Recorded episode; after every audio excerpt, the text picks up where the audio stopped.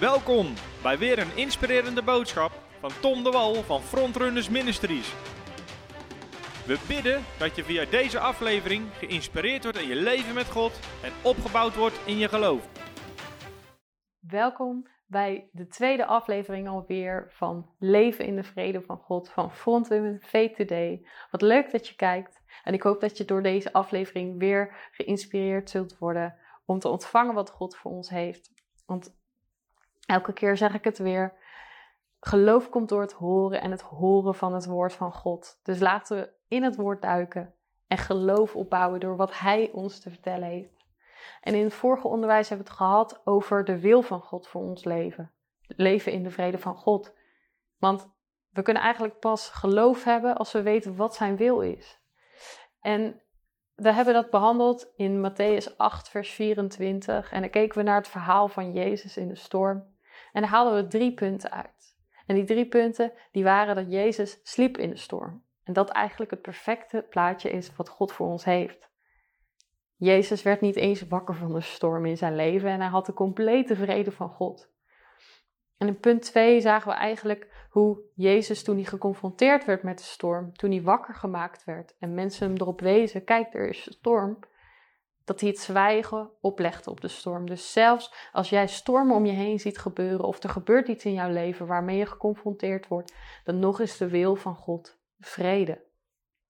En het derde scenario is dat wij die geroepen zijn om te wandelen zoals Jezus wandelde, om te doen wat Jezus deed, dat wij daarin falen. Dus dat het ons niet lukt, dat we misschien de kracht niet hebben, dat we de wijsheid niet hebben of dat we niet ver genoeg het ontwikkeld zijn om het te doen, of, of gewoon het geloof ons ontbreekt, dan nog is de wil van God vrede. Want we zien dat de discipelen hem wakker maakten en dat Jezus toen zei, kleingelovigen, dus hij wilde eigenlijk dat ze meer geloof hadden.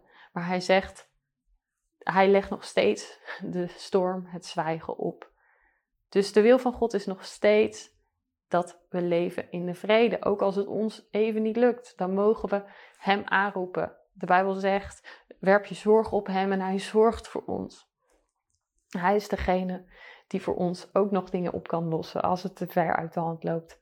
Dus de wil van God is leven in de vrede. En daar hebben we het de vorige keer over gehad. Als je het nog niet hebt gekeken, wil ik je ook aanmoedigen om die aflevering terug te kijken, zodat je heel de serie kunt volgen. En vandaag gaan we het hebben over hoe wandel ik dan in die vrede van God. Het is heel mooi dat God dat voor ons heeft, maar hoe, hoe stap ik daar nou in? En wat zegt de Bijbel daarover? Daar gaan we het vandaag over hebben. En in de volgende aflevering zullen we het dan hebben in als het niet 100% lukt om te wandelen in die vrede van God, dingen die de vrede van God in de weg staan, hoe we daarmee omgaan. Dus ik heb er zin in, ik hoop jullie ook. En um, ja, ik wil eigenlijk starten met de Bijbeltekst Romeinen 14, vers 17. Want daar staat in: Want het koninkrijk van God bestaat niet uit eten en drinken, maar uit gerechtigheid en vrede en blijdschap in de Heilige Geest. Want wie Christus in deze dingen dient, is welbehagelijk voor God en in achting bij mensen. Laten wij dus najagen wat de vrede en de onderlinge opbouw bevordert. Dus waar ik de nadruk op wil leggen, zoals je al hoorde, is het woord wij. Wij mogen dat doen. Laten wij dus najagen de vrede. Dat is wat Romeinen zegt. En dat is wat we eigenlijk in deze preek naar voren willen brengen. Laten wij najagen de vrede van God, die Hij voor ons heeft. En hoe doen we dat? Wat zegt de Bijbel erover? Hoe gaan we dat najagen? Dat zijn die zeven punten de zeven punten die ik heb gepakt uit het woord van God. Uh, die, dat, die ons vertellen hoe we kunnen wandelen in de vrede van God. En dat brengt ons bij het eerste punt waar ik naar wil gaan kijken. En dat is tijd in zijn woord. Zijn woord is zo belangrijk voor ons. Het is essentieel om te weten wat zijn wil is. En we hebben natuurlijk een korte tekst aangehaald, Jezus in de storm, om te kijken dat het de wil van God is om te leven in de vrede. Maar het woord is zo rijk en vertelt ons zoveel meer. Dus we mogen echt zijn woord hebben als, als, als een boek van wijsheid. En het is ook dus essentieel om te wandelen in de vrede van God. Dus door zijn woord te lezen. En dat zien we in Psalm 119, vers 105. Ik denk voor velen van jullie heel bekend. En uh, er staat: Uw woord is een lamp voor mijn voet en een licht op mijn pad. En we hebben er zelfs liedjes over.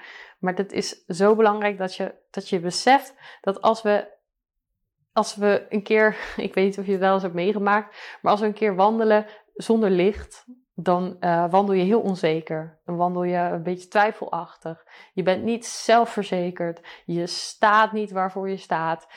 Of je moet precies de weg weten, maar dat zou je ook weer weten door het woord van God of door een kaart of doordat je het eerder hebt gezien.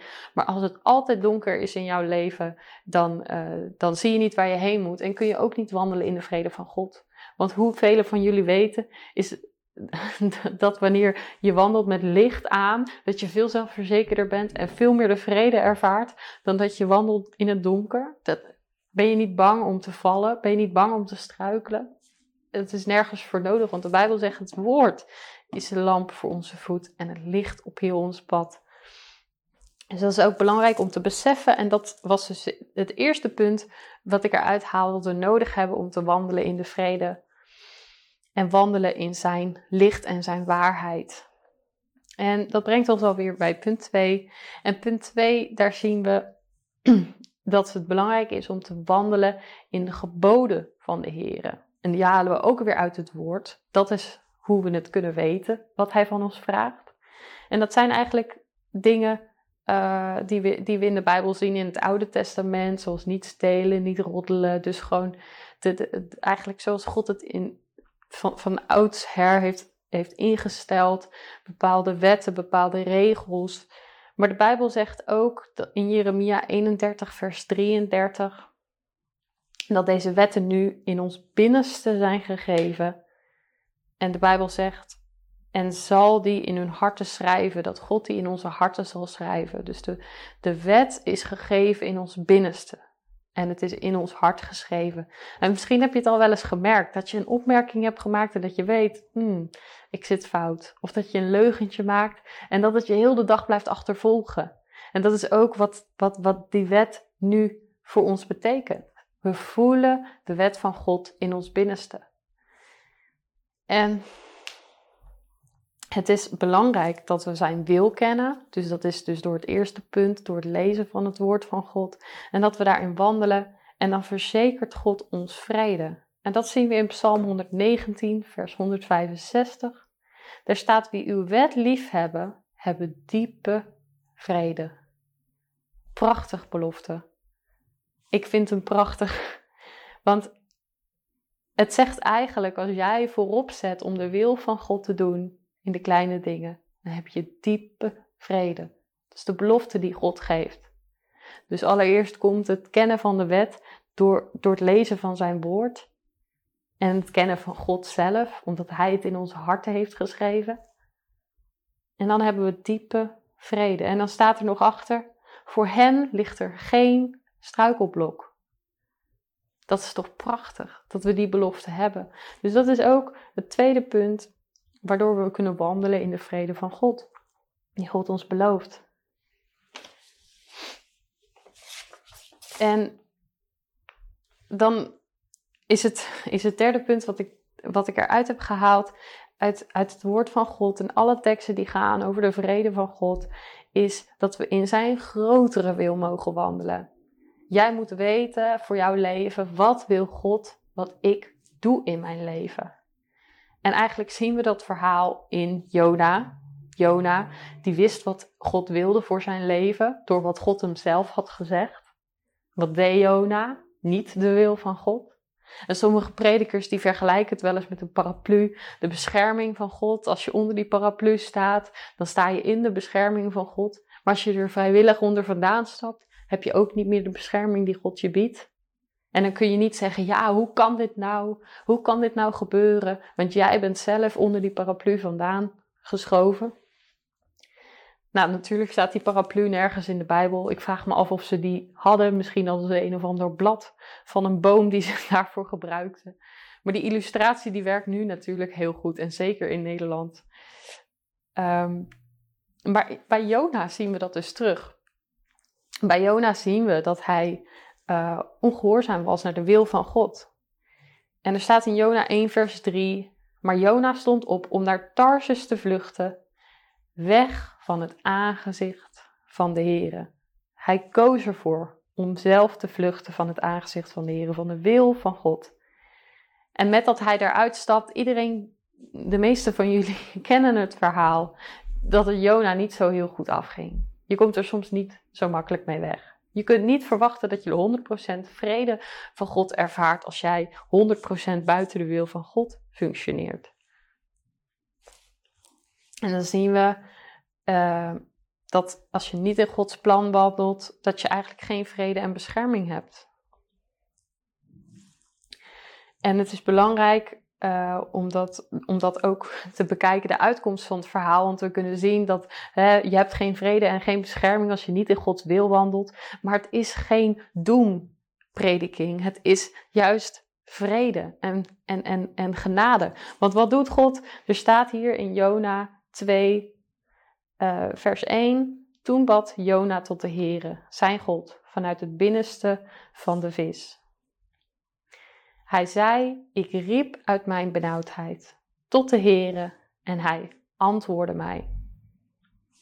Dus God is getrouw om te antwoorden.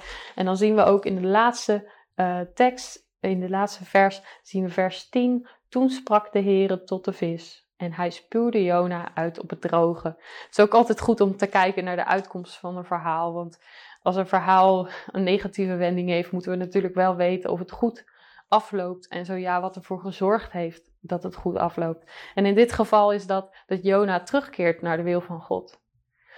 Dus de boodschap die ik hieruit mee wil geven is: op het moment dat jij niet weet wat de wil van God is, zoek de wil van God. En de wil van God zoeken wij door uh, onze gebedstijd, dus tijd met God te hebben, door ons, uh, onze Bijbel te lezen en ook door, uh, door anderen. Er kunnen ook anderen op jouw pad komen en die kunnen een profetie geven. Dat zien we ook in de Bijbel terug. Over wat de wil en het grotere plaatje van God is voor jouw leven. En dan kun je daar ook in wandelen. En um, wij, wij mogen uh, in de wil van God en uh, wandelen. En we hebben ook een helper daarvoor. Dat is ook belangrijk om te beseffen.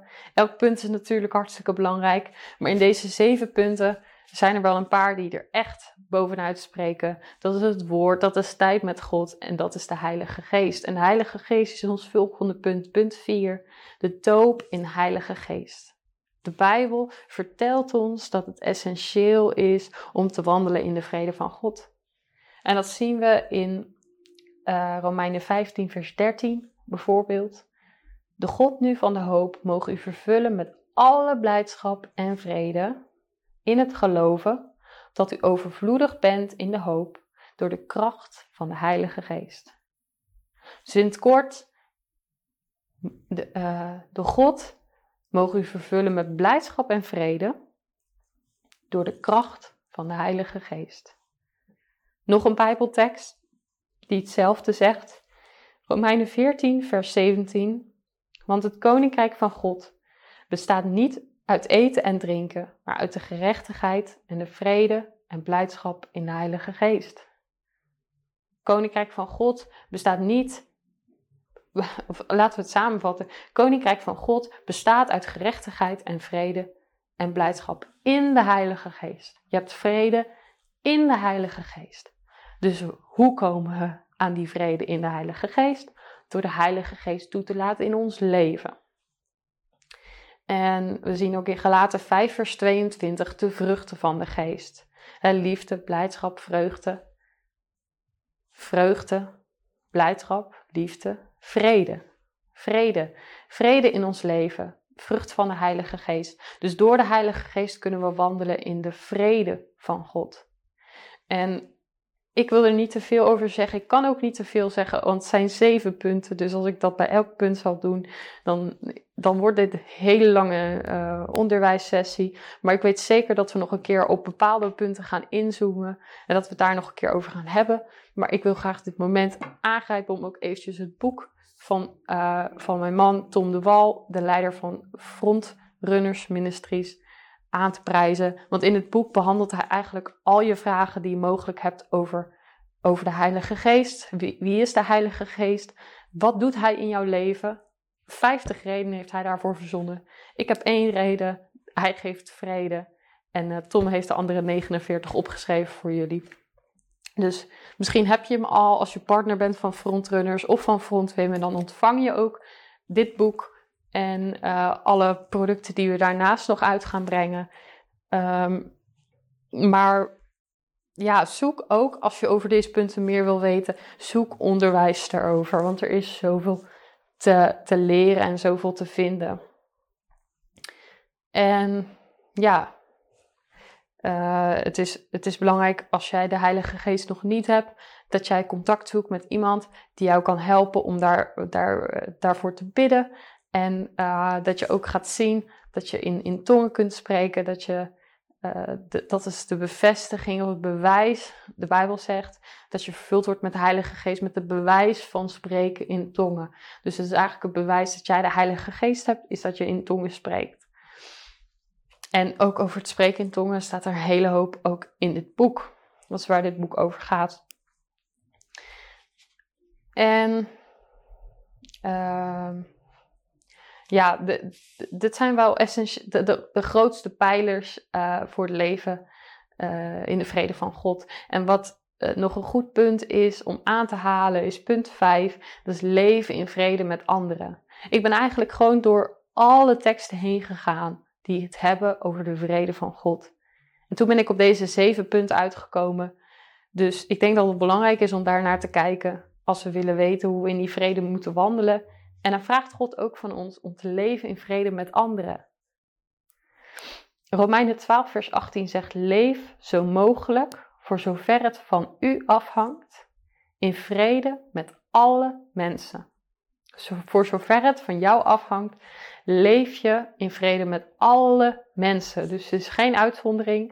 Er is niet de buurman. Nee, want de buurman die heeft de, die heeft zijn schutting op mijn terrein staan, dus eh, die verdient het niet. Nee, met alle mensen, voor zover het van jou afhangt, leef in vrede. Het is natuurlijk ook, het zou natuurlijk ook raar zijn dat jij verwacht dat je 100% in de vrede van God kunt wandelen als we in ruzie met anderen voortleven. Dus dat is de boodschap die God ons ook geeft. Ook in Hebreeën 12, vers 14 staat: streef ernaar te, in vrede te leven met allen en leid een heilig leven. Streef ernaar in vrede te leven met allen. En, en hoe werkt dat? Nou, dat betekent sowieso dat je natuurlijk de ruzie niet opzoekt. Uh, dat je niet voor je eigen gelijk probeert te gaan. En ja, we doen eigenlijk wat Jezus deed. Jezus zei: reken het ze niet toe. Ze weten niet wat ze doen. Jezus vergaf. Dat is eigenlijk wat, wat het samenbrengt. We mogen anderen vergeven voor wat ze ons hebben aangedaan. En we mogen sowieso de strijd niet opzoeken, maar als er strijd is, kunnen we diegene vergeven. En we kunnen dat door wat Jezus aan het kruis heeft gedaan voor ons. Daardoor kunnen wij anderen vergeven. Niet omdat ze het verdienen, maar wij verdienen het ook niet. Maar wij mogen ze vergeven vanuit wat Jezus voor ons heeft gedaan. En ja, het is, het is ook heel mooi om te zien hoe Jezus dat deed. Want, want, want wij kunnen soms zo vasthouden aan ons eigen gelijk en, en, en zeggen van ja, maar hij heeft dit gedaan, hij heeft dat gedaan. Maar het is altijd goed om te bedenken, die ander zal niet doorhebben wat hij doet. Want als hij dat doorheeft, dan, dan zal hij er niet voor hebben gekozen.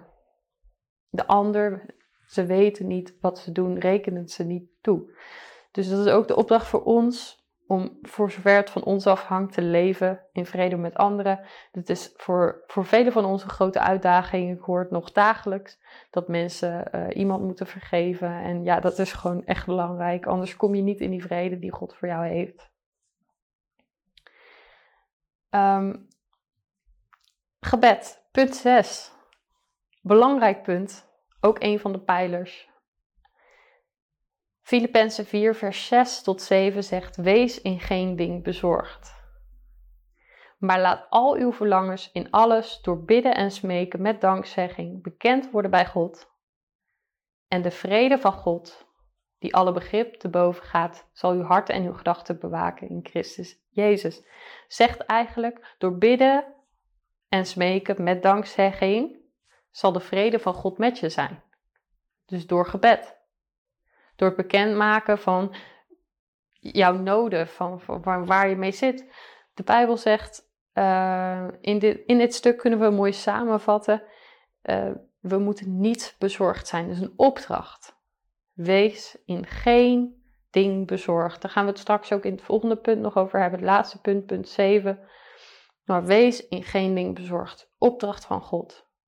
Maar laat uw verlangens in alles door bidden en smeken met dankzegging bekend worden. Dus we, mogen, we moeten niet bezorgd zijn. Dat is de opdracht. En alles wat we verlangen maken we bekend bij God. Hoeveel van jullie weten dat als je bezorgd bent, dat je niet in de vrede van God kunt wandelen?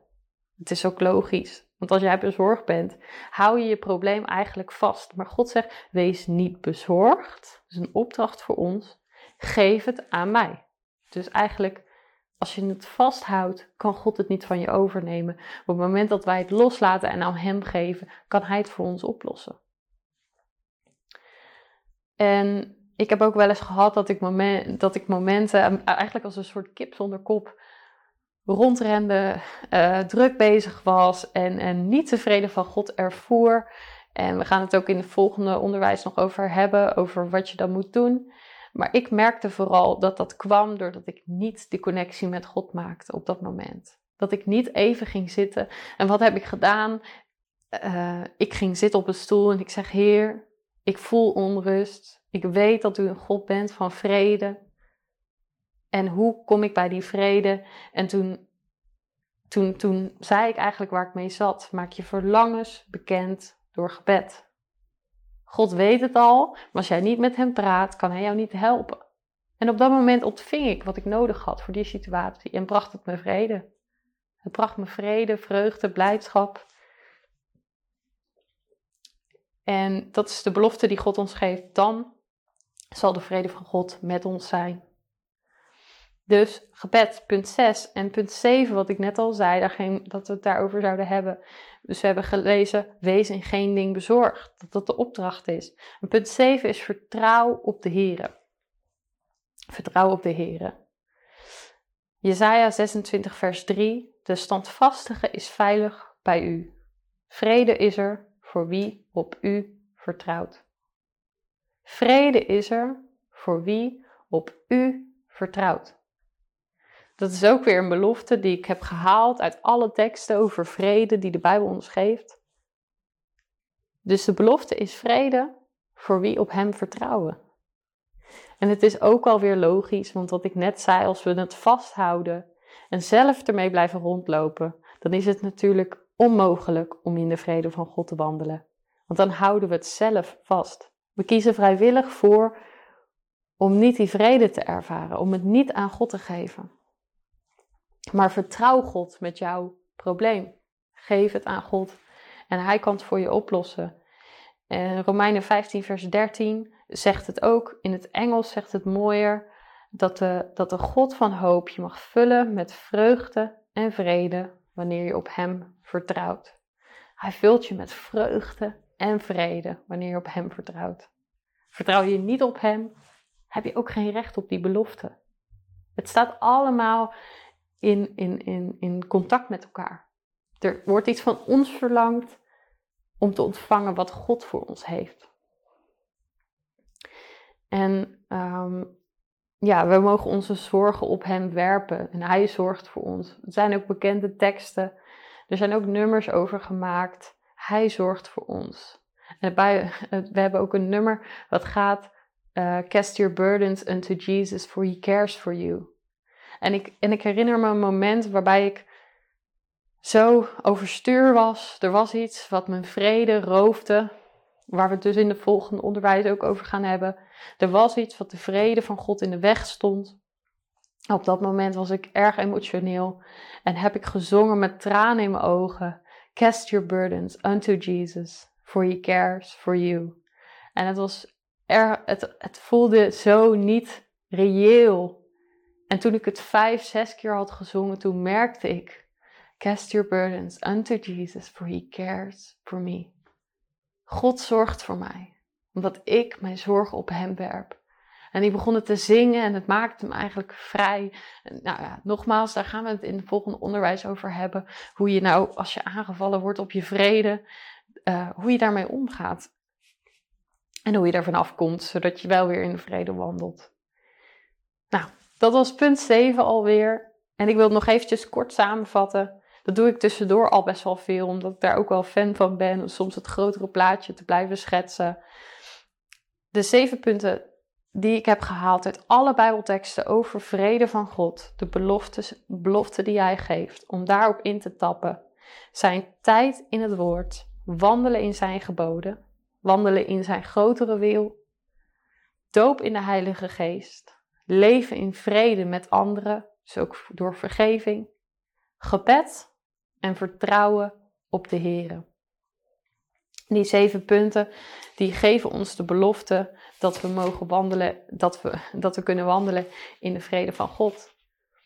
En ik, uh, ik vind het ook belangrijk altijd om, om mee te schrijven. Ik weet eigenlijk niet of ik dat gezegd heb in het begin, maar uh, het is belangrijk om voor jezelf op te schrijven door, deze punt heen te gaan. Ik heb ze net voor je samengevat. Om eigenlijk te kijken per punt. Zijn er dingen die concreet nog kan veranderen? Om in te tappen op het leven van vrede wat God voor mij heeft. En maak het zo concreet mogelijk. Daar hou ik ook van. Maar dat is ook zo belangrijk. Want anders blijft het gewoon weer een goede breek op de plank. Een goed woord. Uh, uh, maar ik wil dat het je leven verandert. En ik geloof dat het je leven ook kan veranderen. Maar dat vergt ook een actie op onze beurt. En um, ja, maak het concreet door jezelf af te vragen: wat kan ik doen om dit punt te bereiken?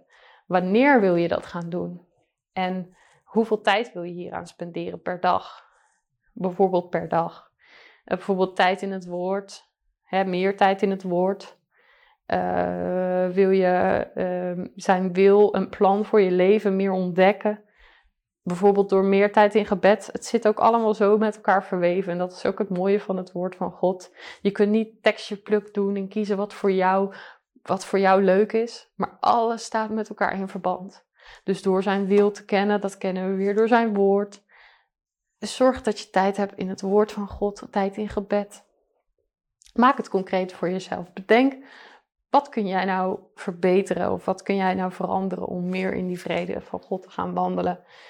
En dan wil ik daarmee afsluiten. Um, volgende preek, volgende onderwijs gaan we het dus hebben, hebben over uh, als je erop aangevallen wordt, als er uh, dingen zijn die je van de vrede van God afhouden.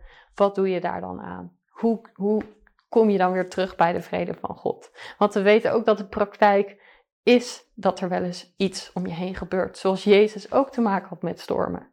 Het is geen gegeven dat je geen stormen of strijd zult hebben, maar het is wel een gegeven dat wij de belofte hebben dat we in de vrede van God kunnen wandelen ten alle tijden. De Bijbel zegt, al ga ik door een, het dal van door het doodsbeenderen, ik vrees geen kwaad. I will fear no evil, for God is with me. God is met je, in het dal, op de berg. Hij is altijd dezelfde. Hij verandert niet en hij zit nooit gestrest op zijn troon daar ben ik heel dankbaar voor. En we mogen altijd intappen op wat Hij voor ons heeft. Zijn beloftes, zijn ja en amen. En daar gaan we het dus over hebben in de volgende aflevering. En dan wil ik je voor nu bedanken voor het kijken. En vergeet niet om uh, deze boodschap ook even een duimpje omhoog te geven. Om deze boodschap te delen met vrienden die dit nodig hebben. En om ook lid te worden van ons YouTube-kanaal. Op ons YouTube-kanaal zullen we elke keer de filmpjes uploaden en kun je ze ook makkelijk terug blijven kijken. En krijg je ook een notificatie als er weer een filmpje online komt. En ja, dan wil ik het daarbij laten. En dan wens ik jullie nog een fijne dag, fijne avond. Tot de volgende keer. Hallo, Tom de Wol hier en bedankt dat je weer geluisterd hebt naar onze podcast. Ik bid dat het je geloof gebouwd heeft en je bemoedigd bent. Als je niet alleen een luisteraar van onze boodschap wil zijn, maar ook een verspreider daarvan, wil ik je uitnodigen om partner te worden van Frontrunners. Door jouw maandelijkse donatie help je ons om dit evangelie van Jezus Christus en het woord van God over heel de aarde te brengen. Om partner te worden ga naar www.frontrunnersministries.nl slash partners en word partner. Hartelijk bedankt en tot snel. Heb je ook zo genoten van deze inspirerende boodschap van Tom de Wal? Abonneer je dan op deze podcast. Volg ons op Facebook en op Instagram en kijk op onze website frontrunnersministries.nl.